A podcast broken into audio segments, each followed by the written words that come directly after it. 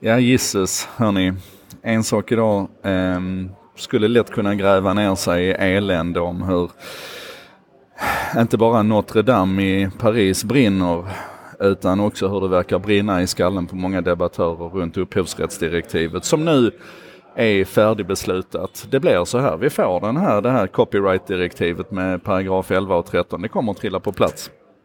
Um, så för stunden ska jag sluta tjata om det, utan istället ska jag hänvisa dig till till exempel Fredrik Strömberg som på Twitter igår la upp en tråd om vilka problem vi redan idag har med material som man försöker göra fritt tillgängligt, där man alltså försöker avsäga sig rättigheterna men hur det ändå lik förbannat är så att någon annan går in och claimar rättigheter till ditt material som du har försökt lägga upp fritt och hur det har sönder hela den här kedjan av, av upphovsrättsfunktioner. Och det här, det här kommer bara bli värre. Eller gå in och titta på, du kan gå till Variety till exempel, ehm, eh, online-magasinet, eller du kan bara söka på Stars med Z och Torrent Freak. Så ska du se en, en bizarr historia om hur en journalistisk produkt försöker posta en länk på Twitter där ett företag känner sig mm, lite så sura på det och, och, och lägger en sån här take-down notice och hur sen alla andra som försöker skriva om det här också blir drabbade av det här. Det är en fullständigt Kafkalik situation där vi inte ens kan diskutera liksom grunderna för hur saker och ting ska fungera på nätet. Och det här kommer bara bli värre. Så att alla där ute som försöker säga att det här är en storm i ett vattenglas, well fuck you. Så, då har vi det on file.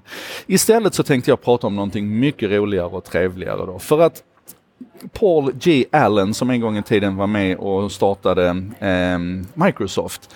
Eh, han dog tyvärr nyligen, eh, men innan han dog så hann han runt 2010 så där starta igång ett projekt som man kallade för Stratolaunch. Och det handlade om att bygga ett gigantiskt flygplan med en väldig lastkapacitet som skulle kunna se till att man fick upp raketer, kan vi väl kalla dem för då, rymdraketer, eh, den översta nivån, alltså upp till stratosfären ungefär för att de sen ska kunna ta av därifrån vidare utåt rymden istället för att behöva starta från jorden. Och inledningsvis var till exempel SpaceX med på det här projektet.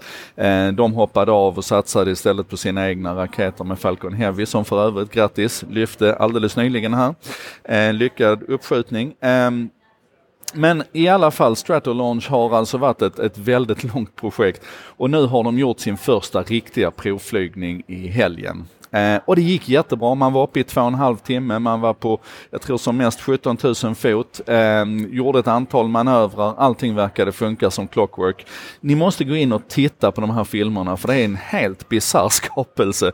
Den är alltså som en katamaran fast ett flygplan. Där är i princip två kompletta 747 kroppar. Där är sex motorer som också är 747 motorer. Man har alltså köpt in tre stycken begagnade 747 och strippat dem och, och i princip byggt ihop dem då i en, i en fantastisk skapelse. Så tanken är då att mellan de här två flygkropparna så är det en, ett utrymme där du ska hänga en, en, eh, en raket då, som kan väga upp mot 250 ton.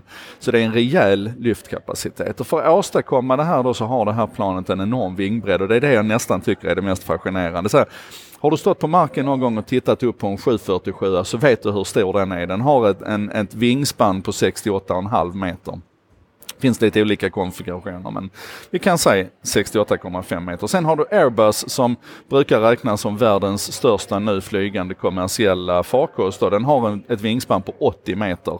Och när den när du har maxbelastning på vingarna där så flexar de 4 meter ute i kanterna. Alltså 80 meter vingspann, flex 4 meter. Sen har vi ett antal eh, militära farkoster och sådär. Och, och, vi har den här gamla klassikern The Spruce Goose, ni vet Howard Hughes som vi har sett i så många filmer. Som lyckades kämpa sig upp liksom 15 meter eller vad det nu var och sen ner igen. Den flög aldrig mer. Eh, 97,5 meter var vingspannet på den. Och Stratolaunchern har alltså ett vingspann på 117,3 meter.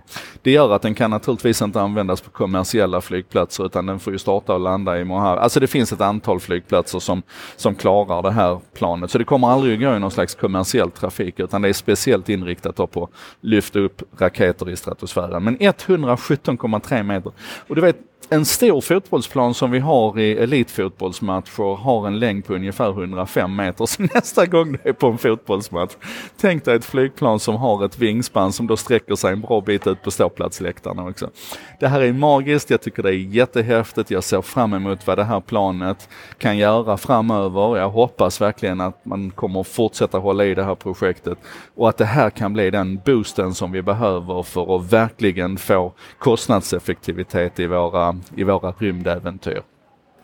Så gå in och, eh, gå in och, och googla på Fredrik Strömberg Twitter, bli lite ledsen. Googla på Stars med Z och Torrent Freak, bli lite ledsen. Och sen så går du till Youtube och så skriver du in Stratolaunch och så tittar du på de här bilderna på det här flygplanet och så blir du jättelycklig igen. Eh, sött och salt, så som internet är. Eh, det här var En sak idag med mig Joakim Jardenberg. Det kommer en ny imorgon.